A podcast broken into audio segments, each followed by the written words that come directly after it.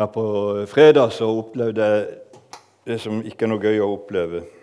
I hvert fall én ting som ikke er noe gøy å oppleve. Og Det var at skjermkort gikk i stykker på min maskin.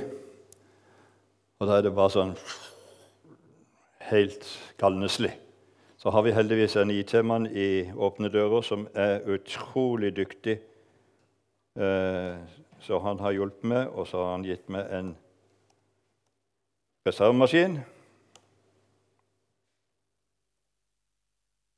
Sånn, da kommer jeg inn på han òg, det er ikke verst. Hei, alle sammen. Jeg syns det var så godt å komme inn til dere når jeg holdt på å øve i stad. At det, det, det, er akkurat som det slo rett imot meg. Det var fellesskap. Rett og slett. Dette er Guds måte å uttrykke fellesskap i denne verden på. Jeg heter altså Helge Holrud, for dere som ikke kjenner meg. En gammel mann. Eh, jeg syns det er så utrolig at det har passert 70. men når jeg hører at Benedicte har barn på 19, eh, så skjønner jeg at tida går. Eh, for En gang jeg, jeg reiste for, for, det som heter Frikirkas landsmisjon, og da var jeg i Herøy. og Da fulgte jeg to små jenter til skolen etter at jeg hadde overnatta i familien der. Og Den ene var Birgitte. Jeg tror ikke det gjorde så inntrykk på deg, Birgitte, men eh, jeg syns det er sånne gode minner. Det er det. Skal vi be sammen?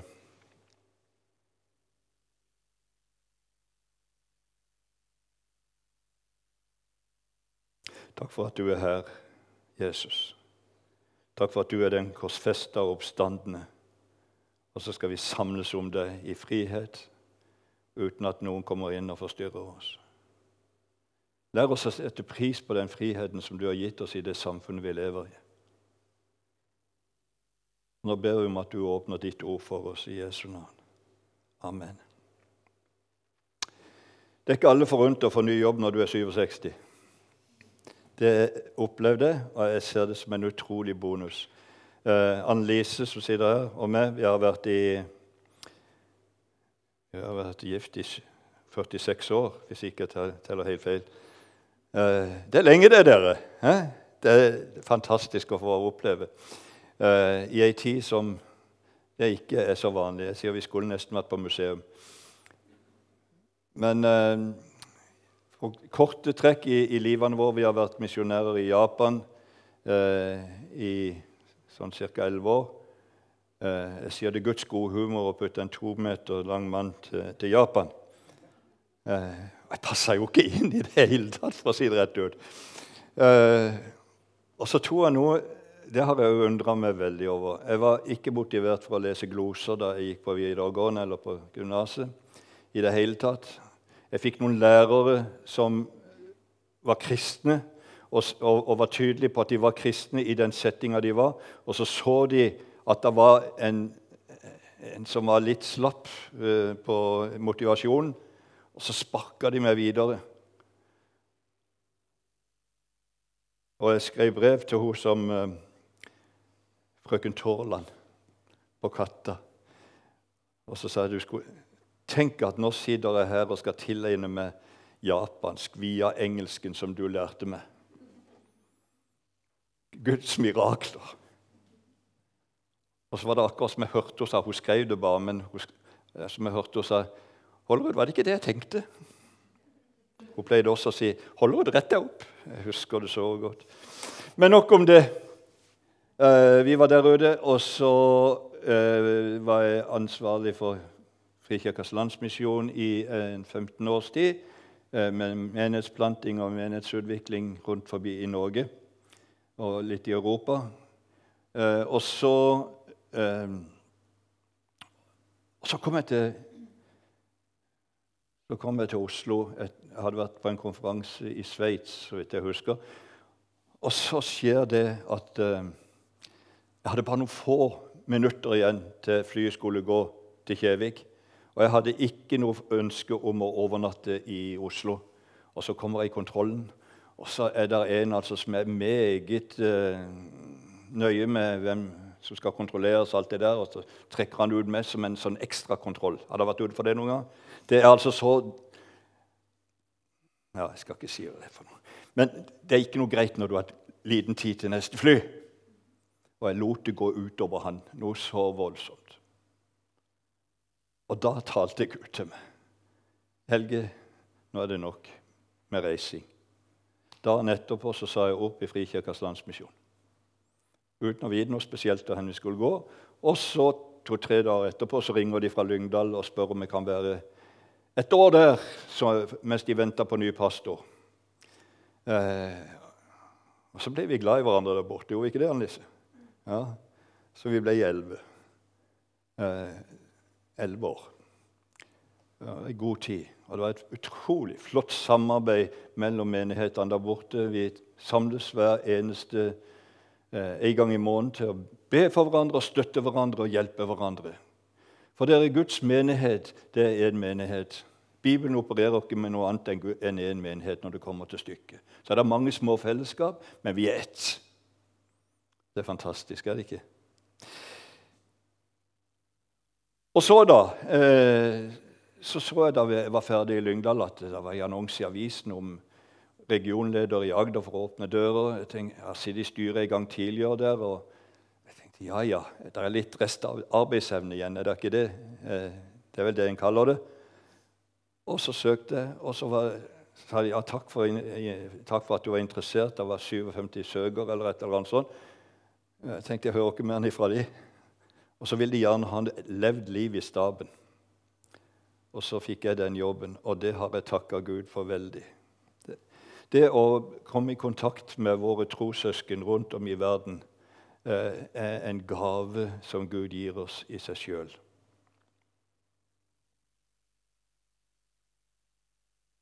Jeg har lyst til å si til dere her i menigheten takk for deres engasjement og at dere ønsker å være med i, i dette arbeidet. Jeg har forstått at kollekten i dag går til å åpne dører, det vi er mest interessert i, er faktisk ikke kollekten, men vi sier tusen takk for den.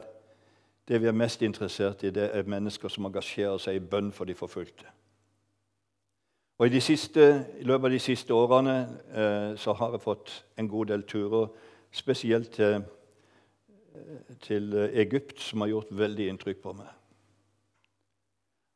Og Når vi sier at vi ber for dem, så sier de ja, vi ber for dere også. Og Da sier jeg hva ber dere for oss om? Jo, vi ber om at ikke det skal falle i ei av disse tre grøftene.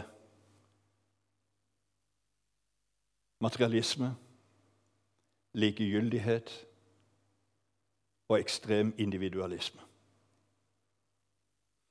Og Da tenker jeg de har en god del kjennskap til vårt samfunn i Vesten. Og det er ikke der vi oppholder oss, stort sett. I dag er teksten noe som vi kaller eh, velsignelsen som vi kanskje egentlig ikke ønsker. For det står i Matteus 5.: Salig er de som blir forfulgt for rettferdighets skyld. For himmelriket er deres. Ja, salige er dere når de for min skyld håner og forfølger dere, lyver og snakker ondt om dere på alle vis. Ble du oppmuntra nå? Forfølgelse. Er ikke det noe som vi egentlig godt kunne vært foruten, hvis vi er ærlige mot oss sjøl? Det er ikke sånn vi oppsøker.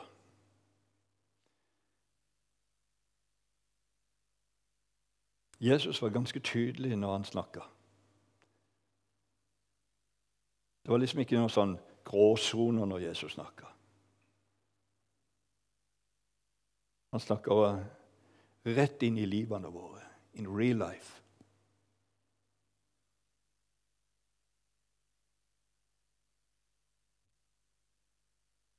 Jesus snakker sant om Gud, og han snakker sant om våre liv.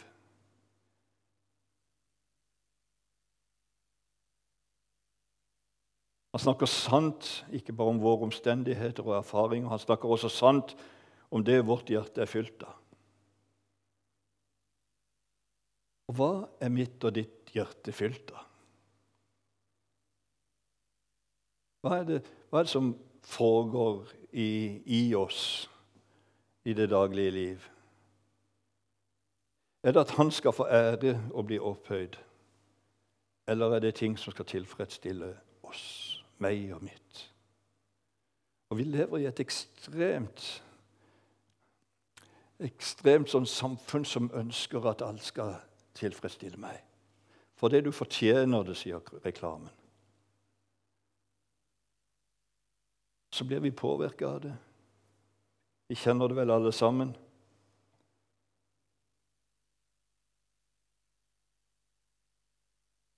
Og Når Jesus snakker om det som er i våre liv, så blir vi ofte litt sånn reservert begeistra for Jesus.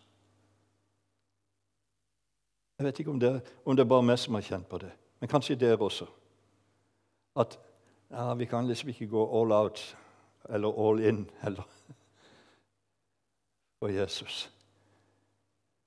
For det er så mange ting i livet mitt, det er så mange ting i hjertet mitt som er i konflikt med det som Jesus vil for mitt liv.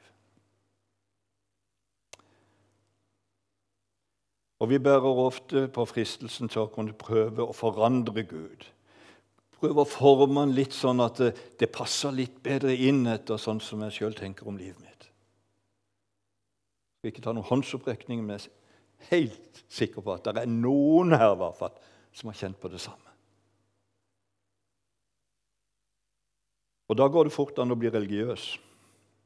I dette tilfellet de skriftlærde.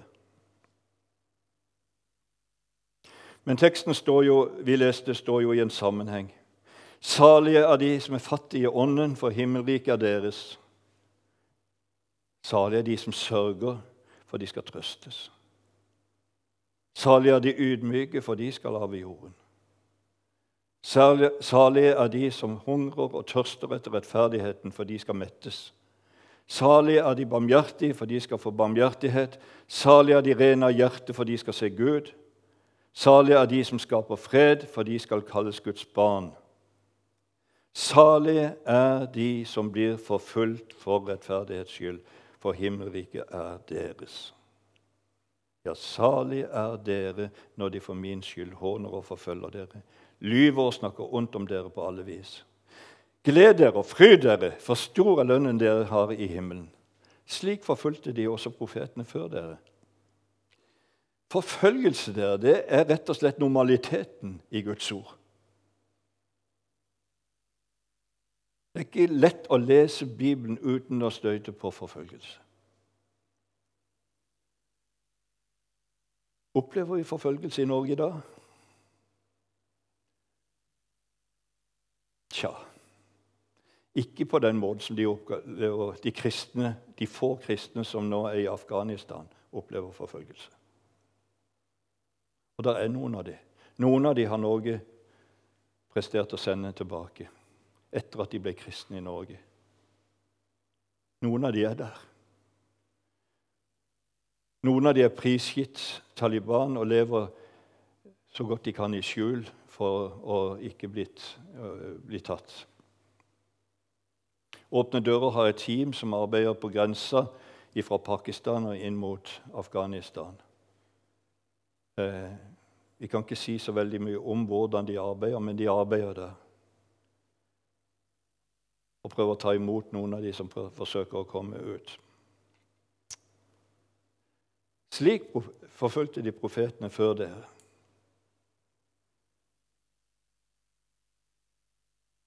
Når så mange millioner av kristne, for det er faktisk mange millioner det dreier seg om, lever i den situasjonen, så kan vi tenke ja, hvorfor opplever ikke jeg mer forfølgelse i, i, vårt samfunn? Noen vil si at vi gjør det. Noen vil si at ja, nå, nå, nå mister, vi, nå mister vi den kommunale støtta. Eh, var det et bedehus hen på Jæren som opplevde? Eh, og så truer en del med å ta fra oss statsstøtte og jeg vet ikke hva. Der Den første kristne kirke hadde ikke noe statsstøtte eller kommunal støtte. De var en motkultur så til de grader. Men vi, er, vi, er, vi har vært vant med å ha ei Vi har hatt staten på vår side, hvis dere skjønner hva jeg mener med det. Og det har fungert etter mitt skjønn som ei sovepute. Vi tenker at alle regler, alle ting og tang eh, skal tilpasses oss som kristne. Dere, vel vitende om at det er valg akkurat nå, så tror jeg rett og slett at den tida i det store og hele er forbi. Vi skal takke Gud for de som kommer inn som er Guds barn, uansett hvilket parti det måtte være. Og at de får gjøre en forskjell inn i den situasjonen der de kommer på Stortinget. Men å snakke om forfølgelse i dag, det kan jeg ikke se i, for, i, i forhold til resten av verden at vi har grunnlag for i det hele tatt. Det jeg savner og nå vet jeg, nei, jeg kjenner noen av dere her, og jeg vet at dere er opptatt av å vise Jesus på arbeidsplassen der dere er. Men generelt sett så tenker jeg at kristne i Norge Det er tid til å reise seg. Det er tid til å si at ja, jeg er faktisk en kristen. Jeg har møtt så mange opp gjennom livet som har sagt 'Å, jeg visste ikke at han eller hun var kristen'. Som har jobba sammen med dem i mangfoldige år. For mange år siden så hadde jeg sommerjobb på EG psykiatriske i, i, eh, her i byen. Og Det var en stor opplevelse.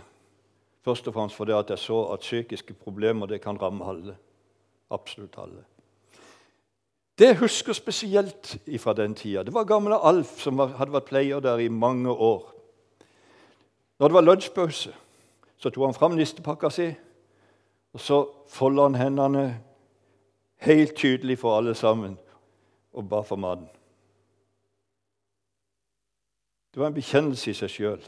Og noen tenkte nok at han kunne vært litt mindre frimodig. Og det var ikke noe, var ikke noe lett sted å, å, å, gjøre det på. Jeg ble for eksempel, jeg ble bedt, Det var en pasient der som var en, av, en som jeg kjente igjen fra gymnastida her i Kristiansand, fra Katta. Eh, han var innlagt. Eh, han hadde en alvorlig diagnose og Noen ganger var det så mørkt for han at han, han så ingenting. Og så spør Han han kjente meg igjen fra lagstida på Katta, og så sier han, 'Helge, kan du ikke komme inn og be for meg?' Så gjorde jeg det. Eh, han roa seg, eh, og jeg var gal nok til å skrive det i journalen. Og Da kan du jo tenke åssen det ble på morgenmøtet neste morgen. Jeg fikk så ørene flagger. Eh, en overlege der som forlangte at dette her skulle fjernes fra journalen. Jeg vet ikke hva det var alt sammen.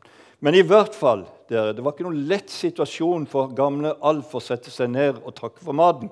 Det er poenget mitt. En annen sak er at eh, jeg tror det var 30 eller 35 år senere så hadde vi en reunion for Katta. Avgangen på Katta. Og der kommer denne broderen ifra, som hadde vært innlagt fra de indre bygder. Han hadde reist langt bare fordi han så at jeg var med i arrangementskomiteen. Og så sier han jeg kommer bare for å gi, si takk for at du ba for meg den gangen. Han hadde skrevet et nydelig kort til meg.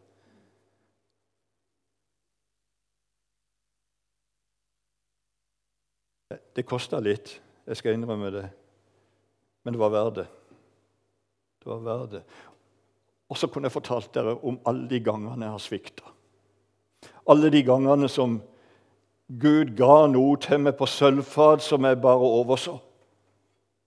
Og det passa ikke, liksom. Det var ikke, det var ikke tida. Kanskje var jeg litt redd for å bli ledd av, jeg var kanskje litt redd for å bli hånt. Og så lot jeg det være. Jeg tror at vi har så mange muligheter som Guds folk til å vise veien inn i et samfunn som blir stadig mer sekularisert. I New York Times-avisen eh, sto det for noen år siden en notis om et tyveri eh, fra ei kirke som heter Church of the Holy Cross på Manhattan.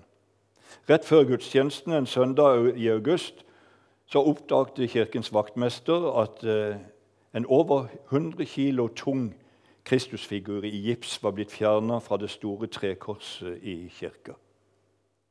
Og måten tyveri var gjennomført på, vekka mer oppsikt enn det at den faktisk var stjålen. Og Kristusfiguren, med en kjerne av stål, var boltet fast til korset fire, på fire steder. Tyvene hadde skrudd ut boltene og fjernet Jesus fra statuen, fra korset. Og Da sa vaktmesteren følgende til New York Times. Jeg tror de må ha tenkt, sier han. Vi lar korset bli igjen og tar med oss Jesus. Vi vet ikke hvorfor de bare tok Jesus.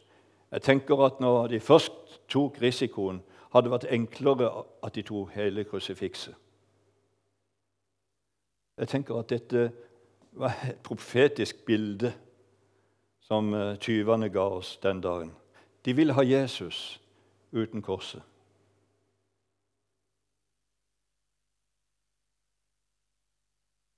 Hva med deg og meg? Ønsker vi oss en Jesus uten korset? I samfunnet i dag så arbeider sterke krefter for bl.a. at våre barn, barnebarn, skoler og barnehaver skal lære om å utforske seksualitet, seksuelt mangfold, opplevd kjønnsidentitet osv. Tradisjonelle uttrykk for familie- og samlivsformer skal ikke lenger benyttes osv. Her må vi være modige og reise oss. Så sier Bibelen. Dette sier Bibelen. Du vil bli ledd av, du vil bli sett ned på, du, bli, du risikerer noe med å gjøre det. Noen vil kanskje til og med miste jobben på det. Da begynner, det, da begynner vi å kunne snakke om en form for forfølgelse.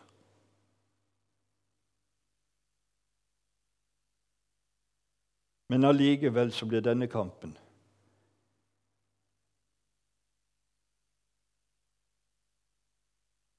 Denne kampen som foreldre må våge å ta, som lærere må våge å ta, som samfunnsdebattanter må våge å ta. Den kampen blir viktig i tida som kommer. Men det er en løsning bare å ta med seg Jesus og la korset bli igjen. For dette å reise seg det henger sammen med korset, med lidelsen. Eller vil vi bare ha Jesus som passer inn i våre liv, der vi kan forme han etter sånn som vi syns er greiest? Eller tar vi Jesus på ordet, der han sier, 'Dere er mine disipler. Jeg vil være med dere alle dager.' 'Jeg vil gi dere Den hellige ånd, som skal gi dere kraft og styrke, alt dere trenger.' Ikke vær redd, for jeg er med dere alle dager inntil verdens ende.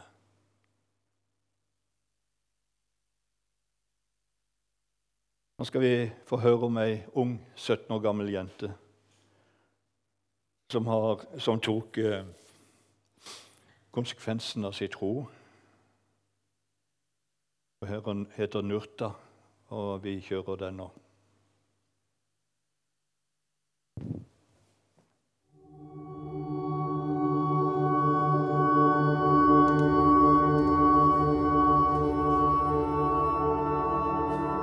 I'm on the road a lot with my job. I had this crazy idea to visit every university location in the country. One van, two years. With the aim to fuel and strengthen the student mission movement in the local church. And it's been a brilliant adventure. I'm actually from a sleepy little countryside town. And this is home. This is where I grew up. I used to come here for walks with my family and I've got some great memories. I'm really conscious about having a faith that goes the distance. It's what I'm passionate to see in the lives of students up and down the country, committing to live for Jesus for the rest of their lives. And the journey will get tough sometimes. We wonder whether we can keep going. Sometimes it is easier to choose to blend in with our culture, with the crowd, our mates become apathetic about living for Jesus. I recently heard about Nerta, and I was blown away by her story. Her journey of faith was a short one, but in that short time, she made it count. She was sold out for Jesus. Nerta was 17 and from Somalia in East Africa, one of the most dangerous places on earth. If you become a Christian there, you pretty much write your own death sentence. Nerta did just that. It's insane when you think that here you're learning to drive at 17, or planning for uni, or sorting what you're going to do with your mates on Friday night. When her parents found out about her new faith, they were livid. They were so angry they made her a prisoner in her own home, a place where she should have been safest. Her own family turned on her. They snatched her freedom, but they couldn't take away her love for Jesus. In the daytime, Nerta was shackled to a tree in the blazing sun. At night, they locked her up in a shed. It was pitch black and freezing cold. But Nerta refused to deny Jesus. For the next few months, her family beat her. They gave her drugs to try and alter her mind. Again, Nerta refused to deny Jesus. She wouldn't go back. They say that, in the end, gunmen were hired and they shot her dead. At 17, she gave up everything because she saw something in Jesus worth living and dying for.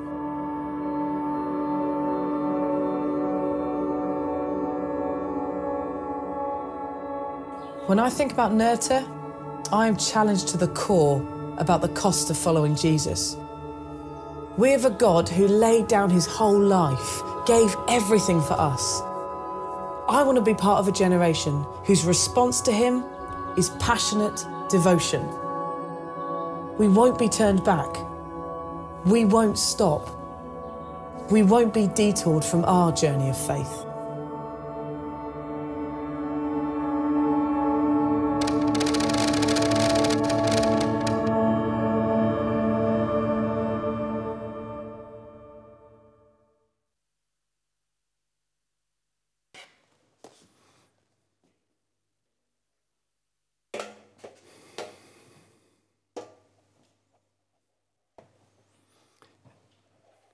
Jeg vet ikke hvordan ditt liv og din trosreise har vært til nå. Det er sikkert for, veldig forskjellig fordi vi er forskjellige mennesker. Jeg for min del har kjent, etter at, ikke minst etter at jeg begynte arbeidet i Åpne dører, at sannsynligvis har jeg ikke så forferdelig mange år igjen å leve her på jorda. Men det er blitt veldig viktig for meg at jeg skal bruke de årene sånn som Gud hadde ønska at jeg skulle leve. At jeg ikke hiver vekk tida på uvesentligheter, men konsentrerer om den korsfeste og oppstandende Jesus Kristus og følger han de årene jeg måtte ha igjen. Og ingen av oss har noe garanti for hvor lenge Gud vil la oss være her i verden. Og så ser ikke jeg på det som noe negativt å tenke på de tingene. Av og til så møter jeg kristne til og med, som kan, jeg kan si ja, 'Åssen står det til med det?' Jo, sier de det. Eh, det er jo ikke så verst, men alternativet er jo verre. Ja, hva sier du for noe?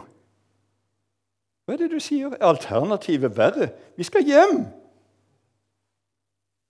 Vi skal hjem der det ikke er tårer, der det ikke er brutte relasjoner der det ikke er noe som er vondt. Vi skal hjem. Og dette fokuset er blitt viktigere for meg. Og jeg håper det er det for deg også. Vi har, Gud har satt oss her. Han har kalt oss til de oppgavene vi har, for en grunn. Og du er viktig. Du er viktig.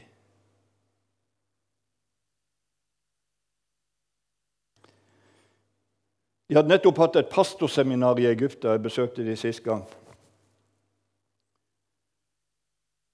Og Da var jeg nede på kontoret til, til han, eh, pastoren der, og så så jeg han hadde ei bok som heter 'Pain'. The gift nobody wants.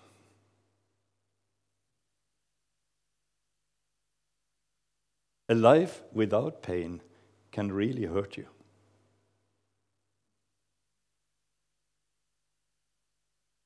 Hvor ofte tenker vi ikke at 'å, hadde bare alt vært greit'?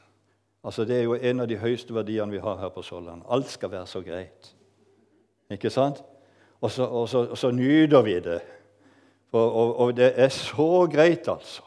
Og, greit å reise på hytta og greit å fiske ut og fiske. Jeg elsker å fiske, for min del. Det er ikke det. Og det er ikke noe galt i å reise på hytta sånn av og til, men hvis det blir det som fyller hjertene våre som det viktigste i livet, så er vi på avveie, kjære venner grovt på avveie. Det er lidelse med å følge Jesus.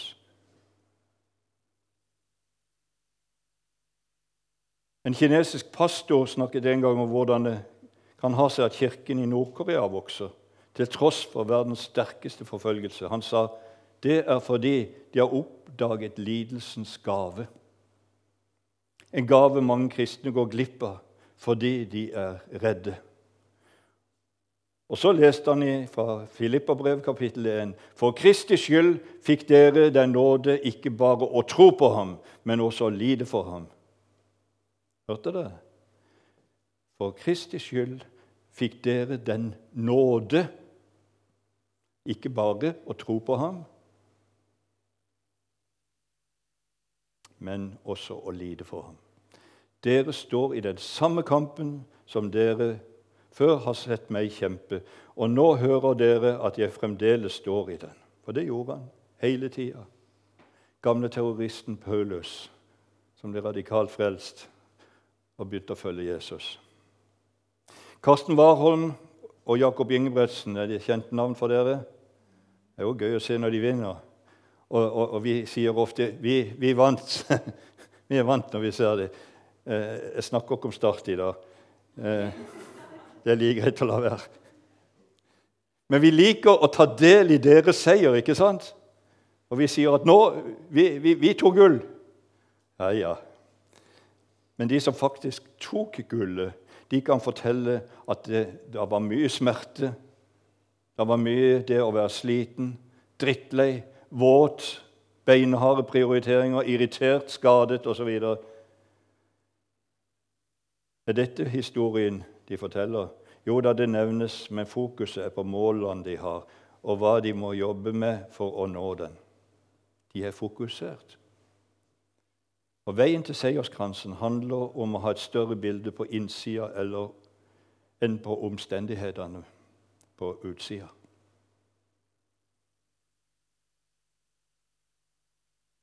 Hva skulle det bety for deg?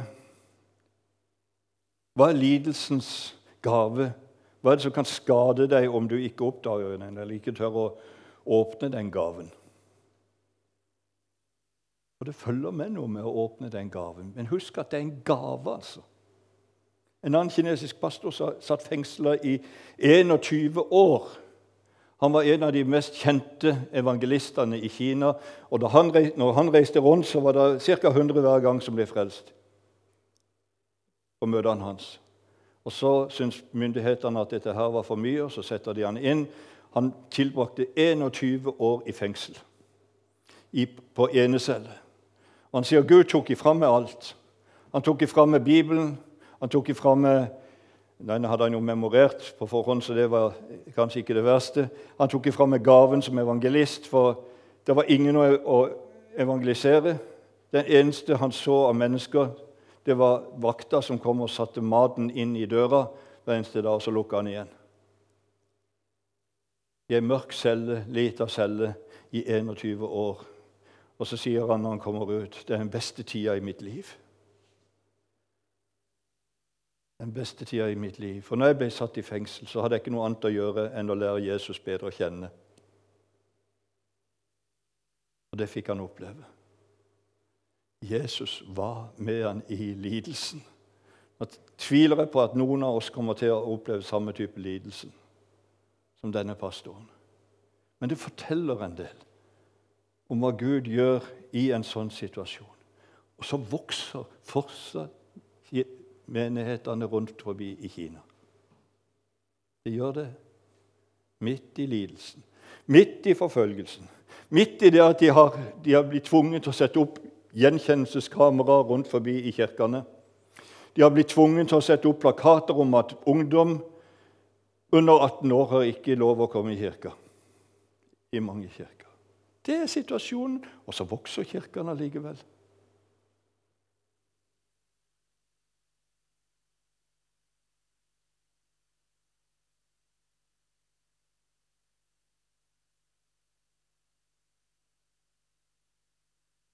Jeg går inn for landing. Jeg kunne fortalt så mange historier. Jeg vil utfordre deg til å se på bokbordet etterpå. Eh, alle de bøkene som vi har med oss. Mye troshistorier, eh, mye kamp, mye seier også. Men det vi må huske, det er at med alle de som kommer gjennom seirene i kampene, er det også en del som dessverre ga opp. Og som ikke orker mer. Derfor må vi be for dem. At de skal stå i denne kampen.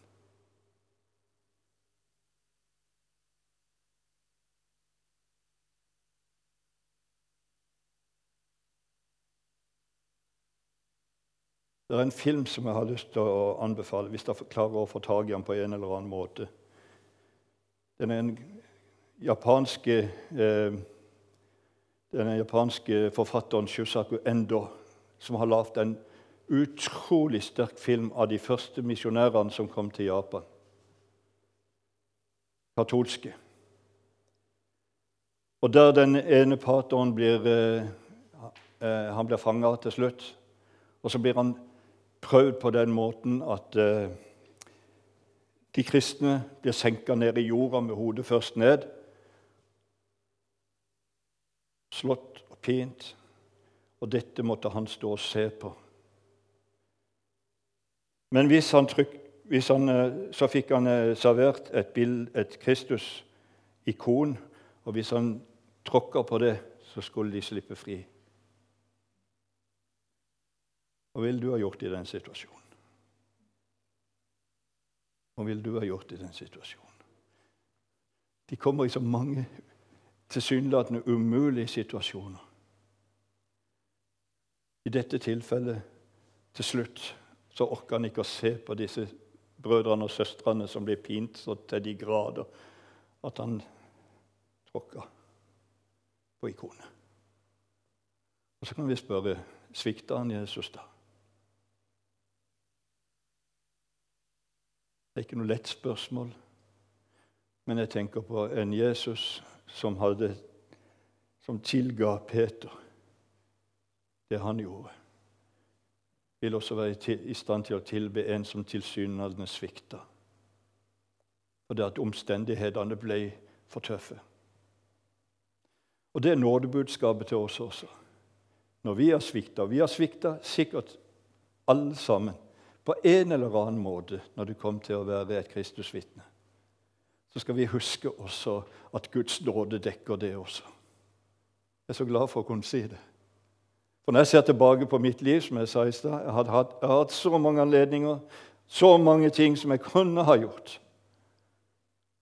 Og Så skal vi ikke dvele med det som har vært. Vi skal motta Guds nåde inn i våre liv, og så skal vi glemme det som ligger bak, og så skal vi strekke oss ut etter det som ligger foran. Er dere med? Er ikke det tingen å gjøre? For Gud glemmer det som ligger bak. Gud hiver det i glemselens hav. Og så er det det som det, det sikkert har hørt mange har sagt, at det står også et skilt med den glemsens hav som står 'fisking forbudt'. Det er så godt. Vi har en tendens til å rote i det som var, og så mottar vi ikke Guds fulle nåde og kjærlighet inn i våre liv over det som faktisk er nå, og det som Han vil gi oss i dagene som kommer, årene som kommer, hvis vi får være her.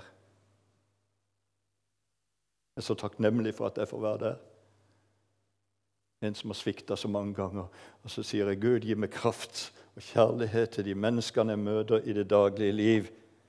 For det står om evigheten. Og I dag er det for, til og med prester som sier at ja, det er ikke to utganger på livet. Hva sier Bibelen om det? Hvorfor skulle Jesus da i det hele tatt behøve å komme? Hvorfor skulle vi i det hele tatt behøve å drive misjon noe sted?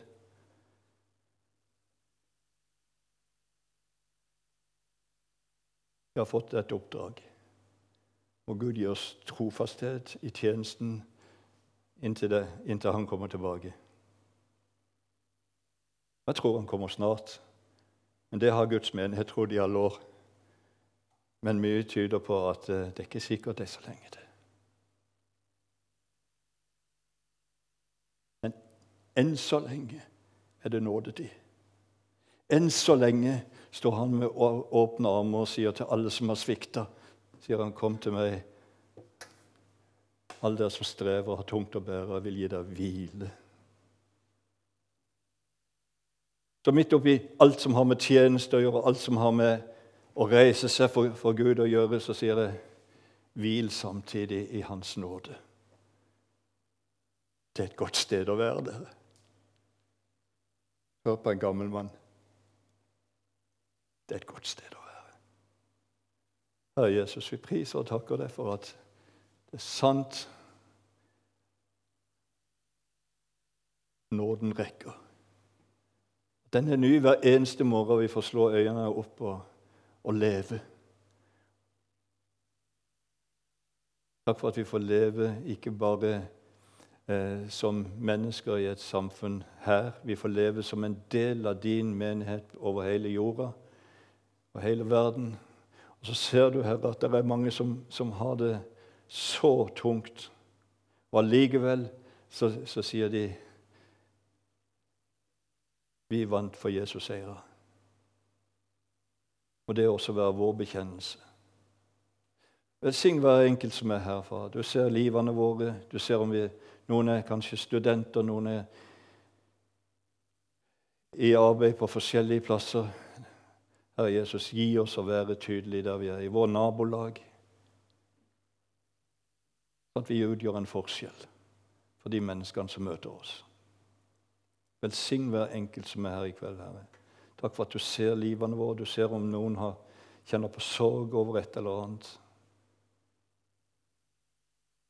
Så vil du si, 'Kom til meg, dere som strever av tungt å bære. Jeg vil gi deg hvile.' Noen sliter med noen brutte relasjoner. Kom til meg. Få tak i min nåde. Det skal være nok for deg. Noen sliter med sykdom. Kom til meg. Herre, vi priser deg. Vi priser og takker deg for at du ikke bare er interessert på avstand, men du er interessert i å komme nær oss og gi oss ifra din nåde og kjærlighet. Velsign oss, Herre, i Jesu navn.